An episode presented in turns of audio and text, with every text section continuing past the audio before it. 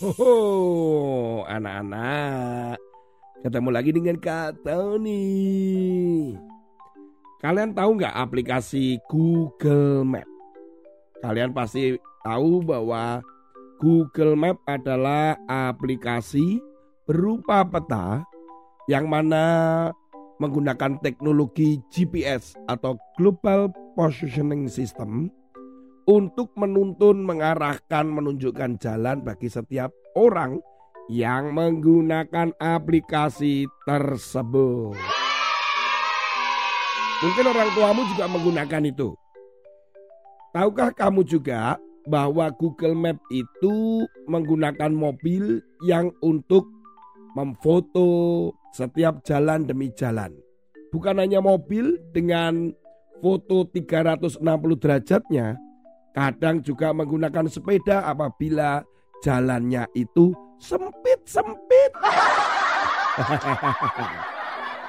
Jadi mereka terus keliling dalam waktu beberapa minggu atau sehari sekali. Mereka akan memfoto jalan-jalan dan lokasi-lokasi. Akibat apa yang dilakukan oleh Google Map ini, tahukah kalian seorang buronan yang sudah lari 20 tahun. Wah, lari loh 20 tahun. Apa nggak capek? Ya maksudnya itu bukan lari-lari gitu Kak Tony. Lari itu menghindar dari tangkapan polisi. Begitu maksudnya. Buronan yang bernama Gioacino Gamino ini pernah dituduh sebagai orang yang melakukan pembunuhan di tahun 2002. Kemudian ternyata dia berhasil melarikan diri.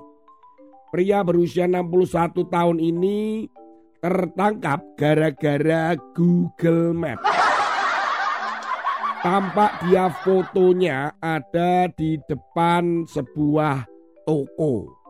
Dan itu tepatnya di daerah Galapagar, Spanyol. Di sebuah toko buah itu ada fotonya dia.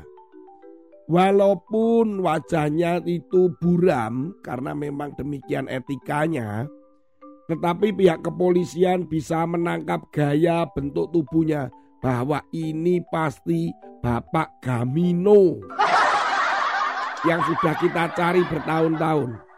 Untuk menangkapnya diperlukan waktu dua tahun sebelum benar-benar tertangkap anak-anak. Tahukah kalian juga bahwa Bapak Gamino ini membohongi banyak orang. Dengan identitas palsu, pekerjaan palsu, wah pokoknya semuanya dipalsu sama dia. Jadi selama ini masyarakat dibohongi oleh dia. Nah, mau lari berapa puluh tahun pun sampai lelah kebohongannya dia ya cepat atau lambat tetap akan terbongkar juga. Terima kasih Google Map. Terima kasih Map Google. Kok Map Google Google Map yang sama lah Kak Tony.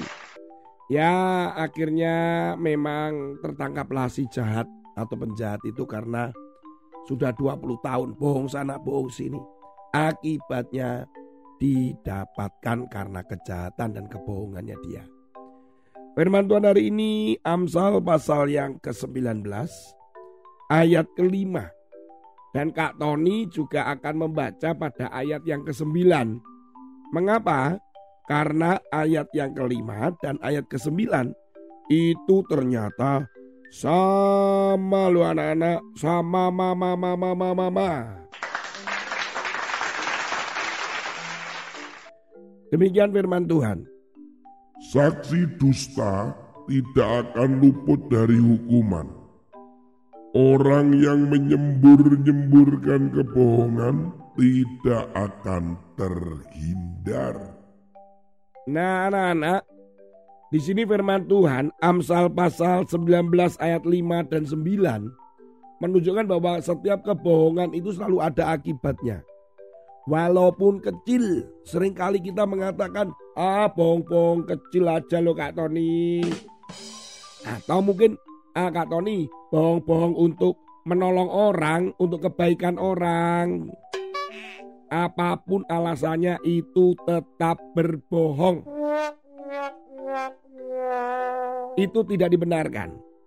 Cepat atau lambat, kebohongan itu akan terbongkar dan kita akan mendapatkan akibatnya.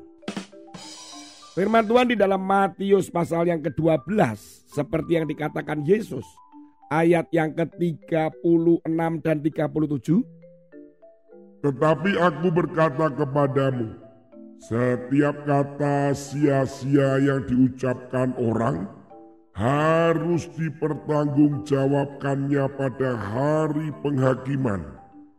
Karena menurut ucapanmu engkau akan dibenarkan dan menurut ucapanmu pula engkau akan dihukum. Kata-kata dan ucapan kita yang penuh kebohongan dan gak benar, memfitnah atau sia-sia, berkata-kata kotor, mengata-ngatain orang, gosip sana gosip sini, itu akan kita pertanggungjawabkan nanti apabila kita ada sudah meninggal. Oh, oh. Jadi hati-hati dengan kata-katamu ya nak ya nak. Semuanya benar-benar harus kalian perhatikan kata-kata ya. Tidak berbohong tapi katakanlah kebenaran dan tentunya mengatakan firman Tuhan yang benar dan ajaib. Tuhan Yesus mengasihi kalian. Sampai ketemu lagi dengan Kak Tony pada episode yang lain. Amin.